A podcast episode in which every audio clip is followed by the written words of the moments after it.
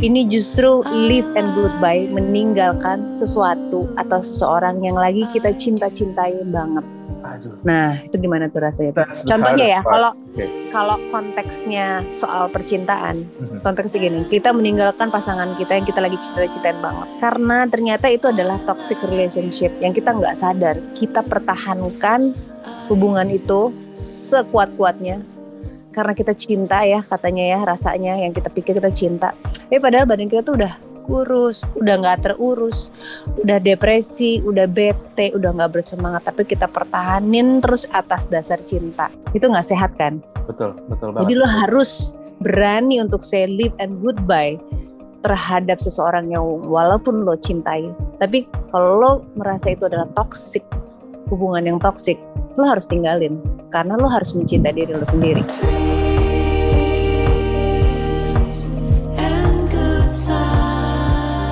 Nggak bisa kayak lo bilang tadi, yang penting dia di rumah eh, bisa begini begitu. Ya nggak bisa dong kalau di, ru- di luar udah kecapean, di rumah tuh udah nggak bisa lagi pasti. Iya ya.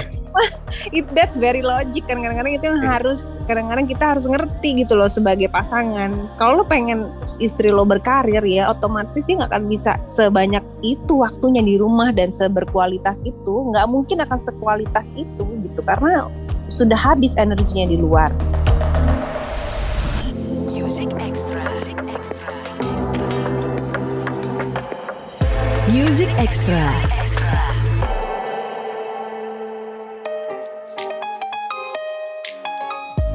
Halo good friends, Music Extra hadir lagi barengan gue Reno Aditya.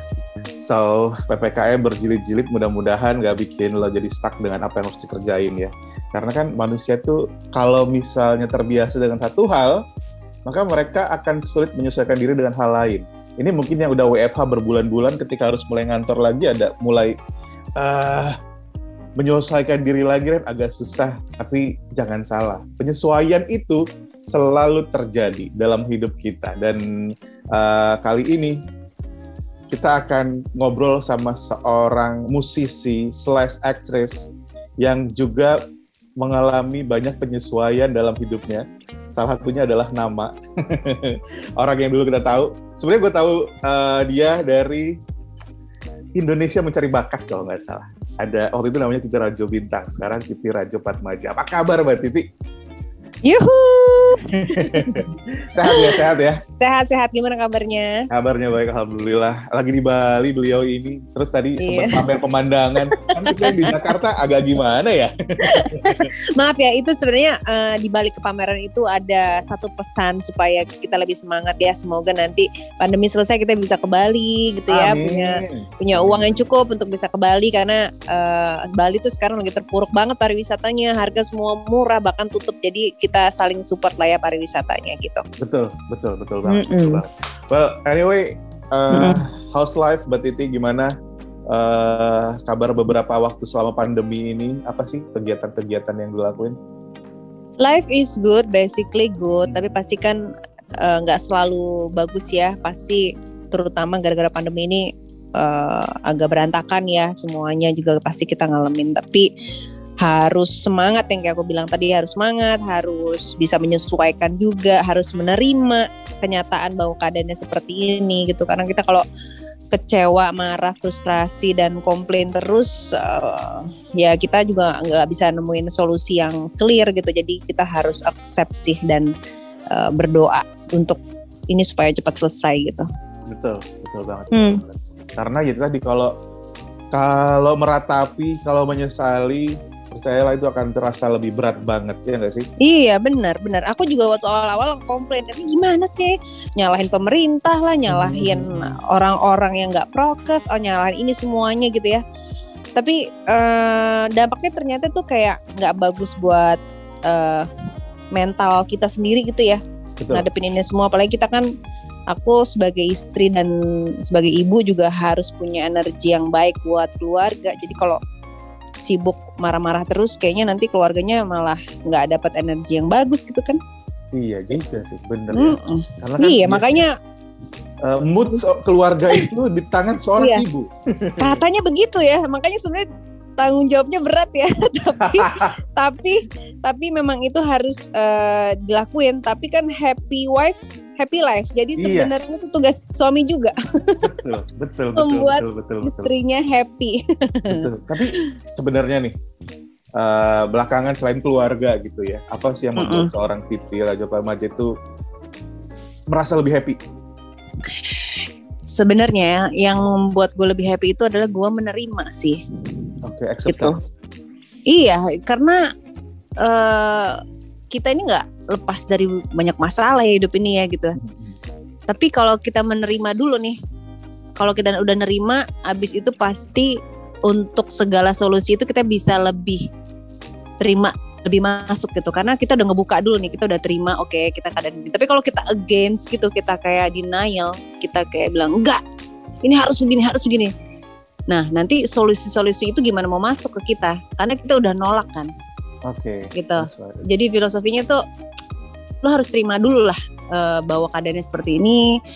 Lo terima dulu kalau lagi sedih, lo terima lah kalau lo lagi marah misalnya gitu ya, supaya lebih tenang gitu.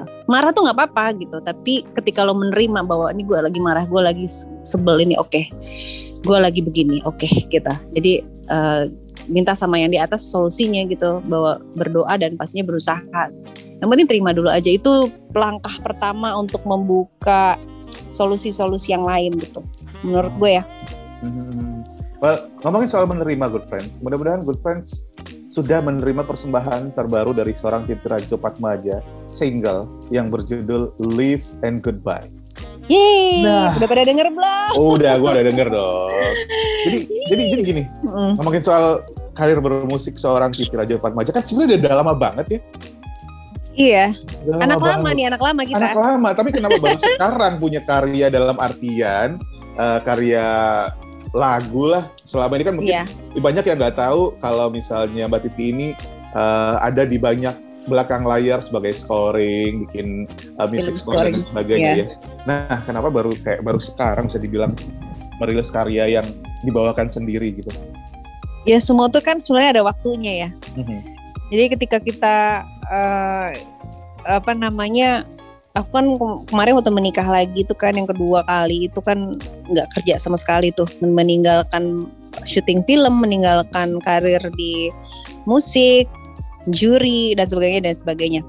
Fokus buat keluarga dulu gitu. Jadi ketika menerima keadaan itu kan sebenarnya waktu itu stres banget ya dan frustrasi kok gue nggak bisa kerja nih gitu ya tapi dengan proses bahwa ya langkah pertama itu gue harus menerima dulu bahwa keadaannya seperti itu. Itu kemudian gue merasakan ketenangan gitu ketenangan oke ini eh, kenapa ya aku lakukan? Aku melakukan ini untuk keluarga. Aku melakukan ini untuk diri sendiri. Ternyata diri sendiri itu dulu nggak pernah punya perhatian yang baik gitu loh. Karena apa? Karena sibuk banget bekerja sibuk untuk mencari uang sibuk memikirkan karir dan orang lain. Jadi sehingga nggak ada eh, fokus untuk ke diri sendiri gitu. Nah sekarang ini sejak gue menerima bahwa ini gue melakukannya buat keluarga, akhirnya berasa tuh bahwa oh ternyata punya quality time yang bagus ya buat keluarga. Oh ternyata kok gue lebih mencintai diri sendiri ya gitu. Dulu ada nggak pernah boro-boro mau merhatiin skincare, merhatiin merawat diri gitu, merhatiin ketenangan lahir batin. Tapi sekarang tuh punya semuanya. Jadi setelah gue mencintai diri sendiri lebih, kemudian gue bisa mencintai yang lain lebih baik lagi gitu loh. Tapi kalau dulu sibuk sama pekerjaan terus, sosok mau merhatiin diri nggak bisa, memperhatikan keluarga juga nggak bisa gitu. Ya memang harus ada yang dikorbankan sih gitu, ada yang dikorbankan seperti lagu ini to say live and goodbye gitu kan ada hal-hal yang kita harus tinggalkan itu nggak selalu jelek kok buat kita. Kadang-kadang kita harus meninggalkan sesuatu yang kita cintai bahkan. Tapi untuk alasan tertentu yang alasan yang mulia, alasan yang lebih baik, pasti kita akan dikasih jalan yang baik gitu. Emang itu klise tapi itu beneran terjadi sama gue. Ah, Iya iya iya iya. iya. Dan sebenarnya mungkin terjadi sama banyak orang. Banyak Cuma orang. Kadang-kadang eh, kita nggak menyadari yang kita kan manusia tuh gini ya. Ketika dikasih dua hal, kesenangan dan kesusahan, yang paling sering diingat adalah kesusahannya. Iya. Padahal kesusahan Emang. itu kayak cuman seminggu, sementara dia dikasih kesenangan bertahun-tahun. Kayak mungkin kita sekarang di Good Friends ada di tengah pandemi COVID-19 yang udah berjalan hampir 2 tahun. Susah pasti. Penyesuaiannya, banyak struggling baru. Padahal misalnya eh, lo berumur 35 tahun sekarang. Padahal 33 tahun sebelumnya lo itu punya kehidupan yang menyenangkan. Tapi yang diingat adalah dua tahun terakhir yang kurang menyenangkan. Itulah yang akhirnya ngebuat kita jadi sulit untuk berbahagia, mencintai Iya. diri. Betul kan? dan sama aja lah kayak orang-orang netizen itu yang ngeliatin artis gitu ya. Ada 10 kebaikan yang dilakukan artis itu ketika ada satu atau dua yang dilakukan salah, itu orang fokusnya ke kesalahan dia bahwa dia tuh adalah artis yang bersalah. Ngerti gak sih? Betul, betul, betul. Jadi, betul, betul. Ketika kita sibuk sama yang negatif, itu kita akan terus negatif gitu. Tapi ketika kita appreciate terhadap hal yang positif sekecil apa pun, itu akan eh, apa namanya semesta ini akan berputar ngasih kita hal yang jauh lebih baik karena kita memberikan melemparkan energi ke alam semesta yang baik gitu loh. Ya gue mentang-mentang di Bali gue langsung ini ya alam semesta ya, Bo. Tapi mungkin netizen tadi itu punya paguyuban deh. Paguyuban pencari kesalahan eh, selebriti di sosial media ya. Tapi tau nggak sebenarnya kalau menurut gue orang-orang yang suka mencari kesalahan orang lain itu sebenarnya dia nggak bahagia, Bo, hidupnya. Asli, asli, asli. Ya kan? Dia mencari Tapi- orang yang sama dengan dia biar biar sama Iya. kayak gue nih gitu. Heeh. Tapi kadang-kadang dia nggak tahu dia mencari orang sama, dia nggak merasa itu sama. Dia mencari kompensasi terhadap ketidakbahagiaannya dia gitu. Oke. Itu yang itu mungkin yang yang perlu kita masing-masing eh, coba introspeksi ya, gitu. termasuk gue lah ya gitu. Ketika Hmm. gua nggak bahagia pun dulu gue tuh sibuk ngomongin orang lain gitu. Gue sibuk ngomongin kejelekannya si ini, si A, si B, si C dan mencari sesuatu yang membuat dia kelihatan jelek aja dan gue tuh happy kalau orang tuh nggak suka sama dia gitu misalnya gitu Mhm. tapi gue sadari bahwa ternyata gue saat itu nggak bahagia jadi gue kayak secara tidak langsung gitu jiwa gue tuh mencari kesalahan orang lain untuk menutupi ketidakbahagiaan gue gitu. nah Iya, iya, iya, iya, iya, ya iya. itu kan sebenarnya ketika gue bisa mengakuinya itu sekarang itu menyenangkan karena apa ini bisa gue share ke orang lain supaya bagaimana sih caranya kita bisa hidup lebih bahagia yaitu stop untuk mencari kesalahan orang lain That's right. gitu. Betul, betul, betul, appreciate aja appreciate apa pun sekecil misalnya tuh ada orang pakai baju warna merah gitu ya. Mungkin lo nggak terlalu suka warna merah ya udah lo appreciate aja. Oke mungkin dia bahagia mau pakai baju merah itu dia lebih percaya diri. Oke dia bahagia oh ya udah appreciate. Ada ini oh cantik ya aduh baik ya aduh ini ya gitu. Dengan mengucapkan itu terus menerus kan kita akan dikasih hal yang kayak gitu juga sebenarnya malam semesta gitu betul, betul, betul. gue bukan sosok mau ngomong gini karena gue mengalami itu gitu Mhm. ketika gue ngomongin jelek-jelek sehari itu pokoknya jelek kayak terus yang gue lihat seharian Berarti berarti gini Mbak Titi. Eh, karya Live and Goodbye ini sebenarnya adalah gambaran atau eh, pesan kalau meninggalkan sesuatu yang negatif lah. Kita ambil ba- ya kita ambil kesimpulan dari semua hal tadi adalah negatif. Meninggalkan sesuatu yang negatif itu adalah hal hal yang terbaik untuk jadi sosok yang lebih positif lagi. Gitu Nah. kan. Dan dan nggak selamanya Hmm. goodbye itu tidak menyenangkan ya nggak sih? selamanya goodbye itu nggak menyenangkan bener tapi kalau dalam konteks lagu ini kalau dilihat dari lirik dari liriknya kan live and goodbye I love you I do nah ini agak lain memang ini justru live and goodbye meninggalkan sesuatu atau seseorang yang lagi kita cinta-cintai banget Aduh. nah itu gimana tuh rasanya that's the Contohnya ya, kalau Oke. kalau konteksnya soal percintaan, Mhm. konteksnya gini, kita meninggalkan pasangan kita yang kita lagi cinta-cintain banget. Karena ternyata itu adalah toxic relationship yang kita nggak sadar. Kita pertahankan hubungan itu sekuat-kuatnya karena kita cinta ya katanya ya rasanya yang kita pikir kita cinta. Tapi padahal badan kita tuh udah kurus, udah nggak terurus, udah depresi, udah bete, udah nggak bersemangat. Tapi kita pertahanin terus atas dasar cinta. Itu nggak sehat kan? Betul. Betul banget. Jadi lo harus berani untuk say live and goodbye terhadap seseorang yang walaupun lo cintai. Tapi kalau lo merasa itu adalah toxic, hubungan yang toxic, lo harus tinggalin karena lo harus mencintai diri lo sendiri. Oke, itu pesannya besar banget loh, good friends.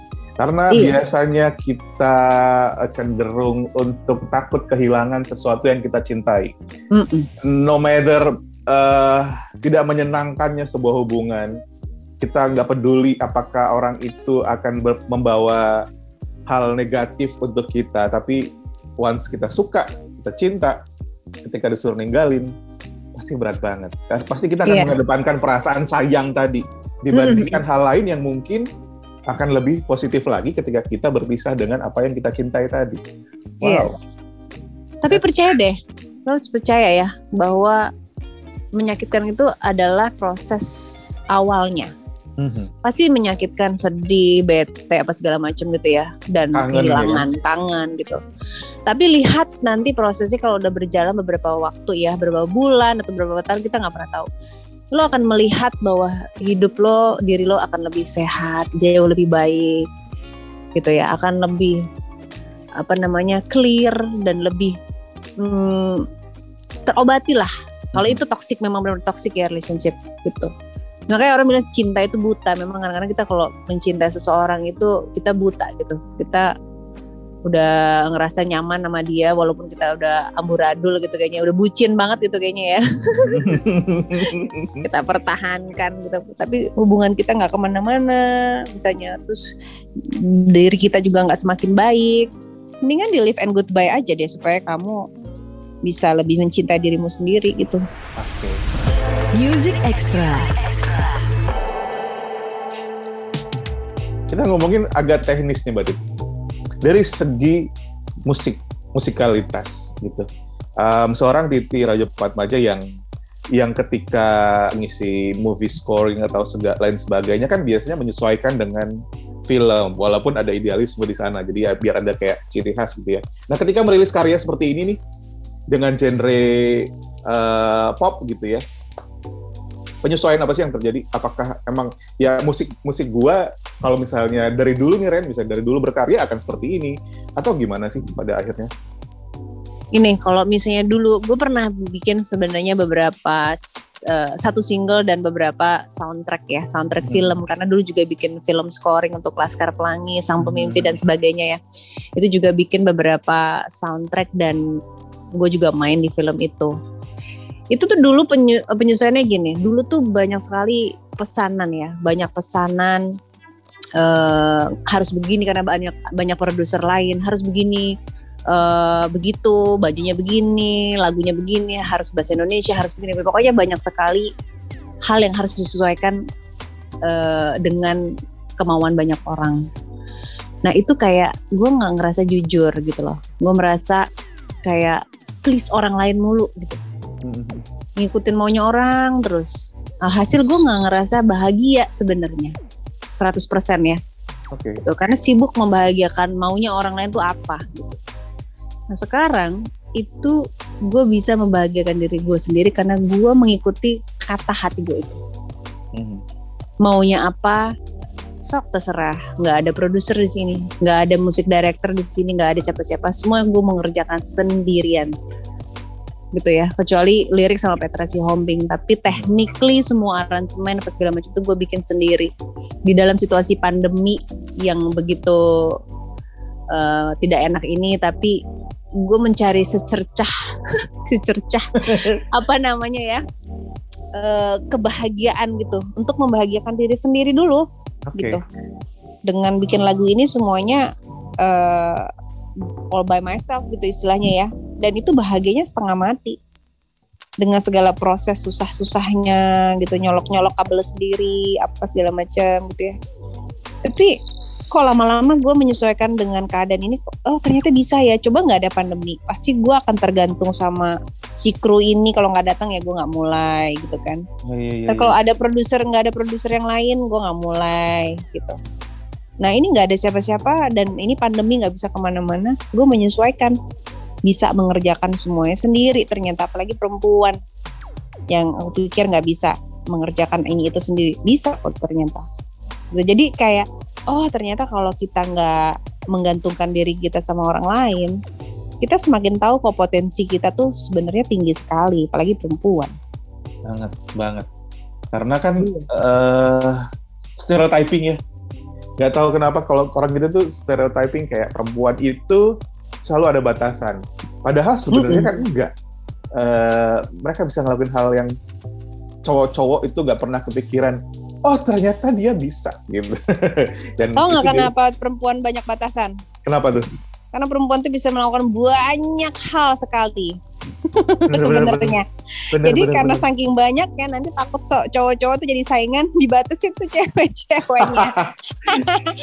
sebenarnya kita tuh banyak bisa melakukan hal yang kalian tidak bisa lakukan. Iya juga.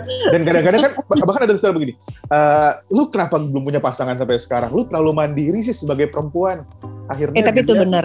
Downgrade bener. diri sendiri biar dapet jodoh atau biar ada yang mau eh tapi itu benar ya tapi itu benar. sendiri ya kan? Benar kan? Iya tapi tapi sorry itu saya ya itu ada benernya karena karena gini ya kebanyakan kan orang Indonesia tuh terutama cowoknya kan selalu secara dari dulu kan budayanya begitu kan laki-laki tuh harus tetap di atas laki-laki itu harus tetap uh, dilayanin gitu kan perempuan itu yang melayani laki-laki ya di rumah apa segala macam gitu kan.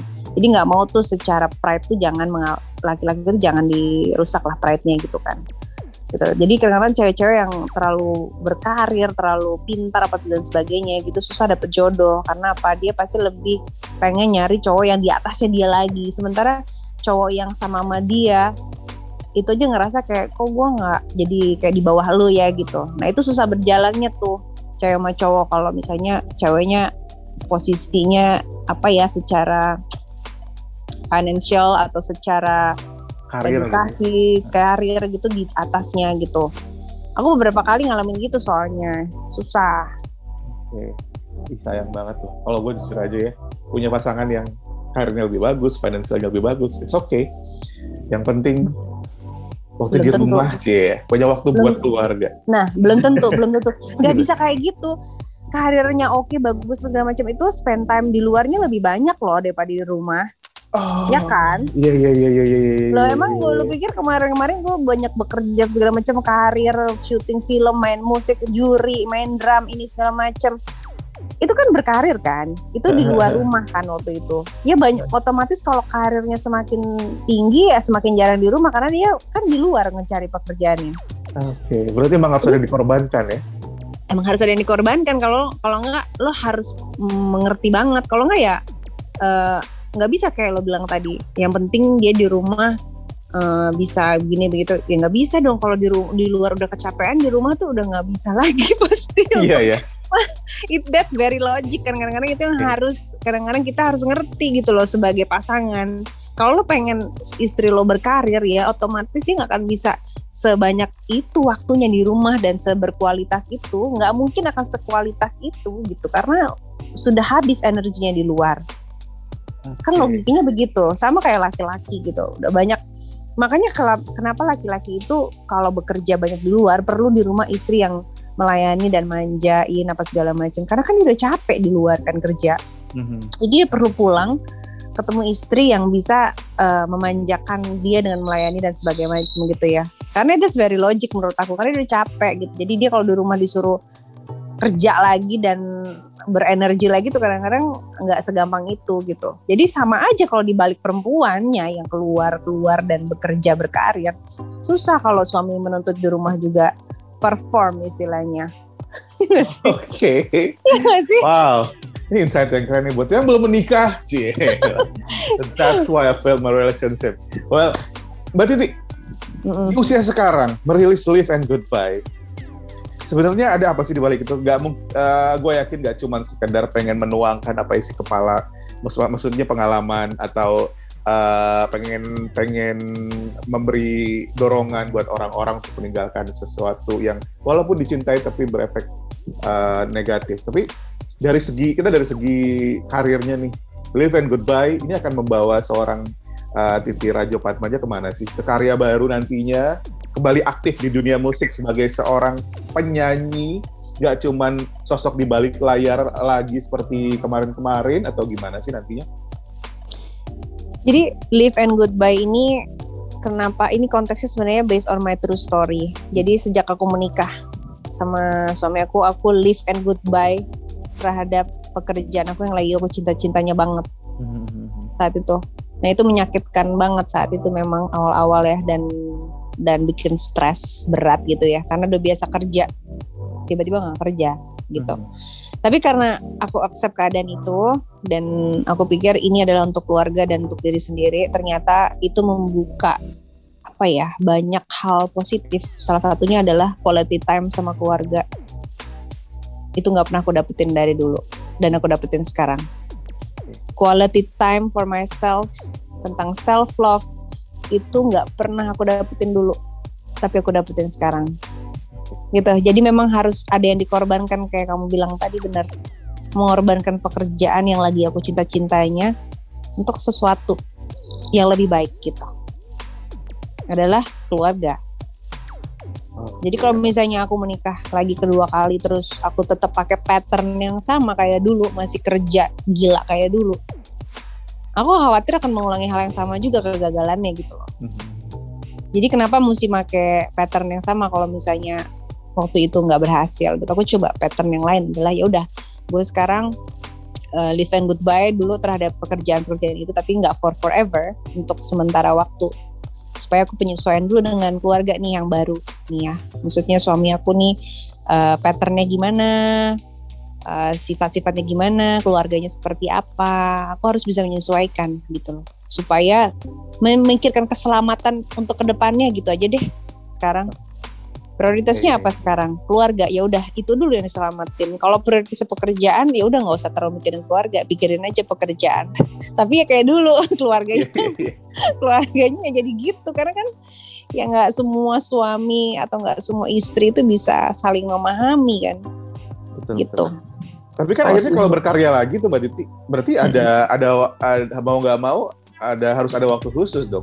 Kayak waktu ketika bikin live and goodbye ini pasti ada waktu khusus di mana ini waktu kerja gua nih bikin lagu nih, apalagi semua dikerjain sendiri dari aransemen, Iya. produser dan lain sebagainya. Ada banget.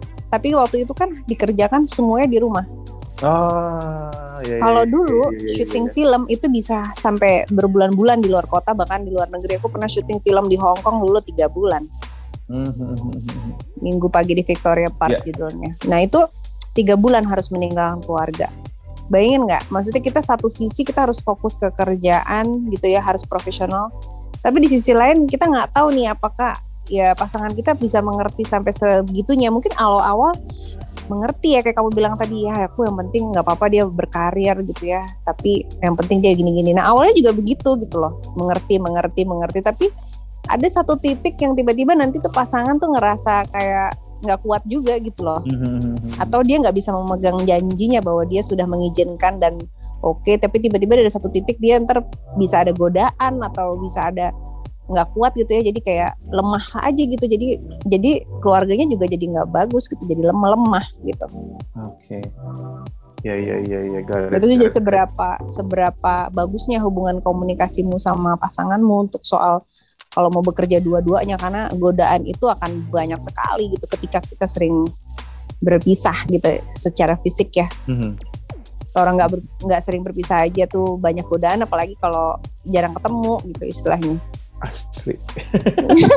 Iya iya iya iya iya. ya kan kalau apalagi kalau masih muda-muda masih muda-muda kan gejolaknya luar biasa ya jadi kayak apa namanya nggak bisa menahan godaan dan gejolak itu gitu. Kadang-kadang mau suka-suka dia aja gitu nggak belum segitu wise-nya gitu yang muda-muda nih ya belum mau kawin atau yang baru menikah nih kalau misalnya umur sekarang kan aku juga udah lebih chill ya sama suami aku dan udah perannya udah pas gitu loh. Jadi kita saling mengisi. Kalau dulu kan berebutan mau berkarir.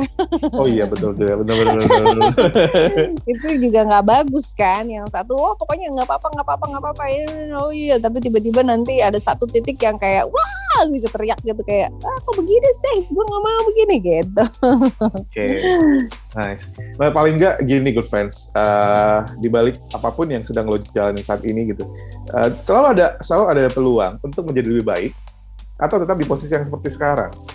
Tergantung gimana keberanian lo ngambil keputusan. Makanya eh, mungkin akhirnya live and goodbye ini hadir. Keberanian untuk mengambil sebuah keputusan yang kemudian merubah hidup itulah yang pengen Iya. disampaikan lewat live and goodbye ini kali mbak ya. iya dan kalau misalnya masih bingung eh, apakah yang dijalani sekarang itu adalah yang paling tepat atau tidak gitu ya.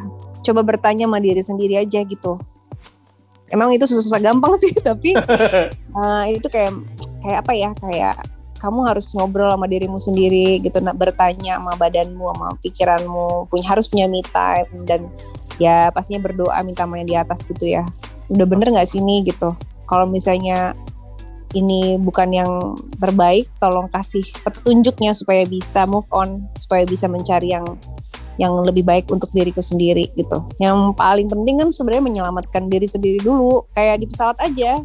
Jangan ngasih oksigen ke orang lain dulu ke kitanya dulu kasih oksigen. Baru setelah kita bisa bernapas kita kasih tuh oksigen buat nyelamatin orang. Oke. Okay. dan uh, itu kayaknya punya arti yang cukup filosofis. Lo harus cinta sama diri lo sendiri sebelum lo bisa mencintai orang lain lebih dan ngomongin yeah. soal how to love yourself more uh, self love prosesnya gimana kita akan obrolin di podcast terpisah. Paling nggak saat ini good friends nikmatin dulu karya terbaru dari seorang Titi Raja Fatmaja, Live and Goodbye. Banyak pesan-pesan yang mungkin akan merubah sudut pandang lo. Nikmatin itu dan kita akan bahas soal self love nanti di edisi selanjutnya Music Extra barengan Titi Rajo Fatmaja. Music Extra.